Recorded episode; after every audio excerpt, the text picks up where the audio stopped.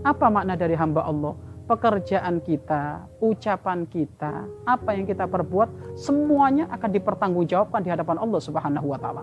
Maka hal ini senantiasa dihadirkan, difahamkan kepada diri kita agar supaya kita senantiasa nanti bisa kembali kepada Allah Subhanahu wa taala.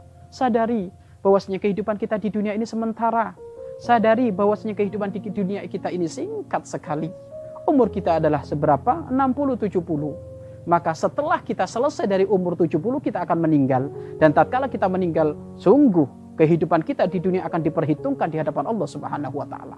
Bahkan asal tahu saja ucapan kita dicatat oleh Allah. Langkah kita, kaki kita ke mana dicatat oleh Allah Subhanahu wa taala.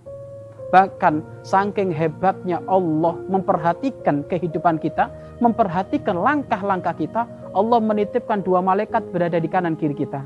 Rokib atid mayal min illa raqibun wa atid.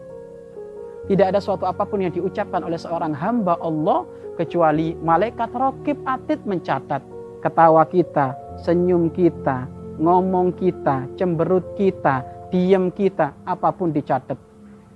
Kita di hadapan Allah diperhatikan oleh Allah Subhanahu wa taala sampai sedemikian detail Allah memperhatikan kita. Dan ini semuanya nanti ada hitung-hitungannya di hadapan Allah.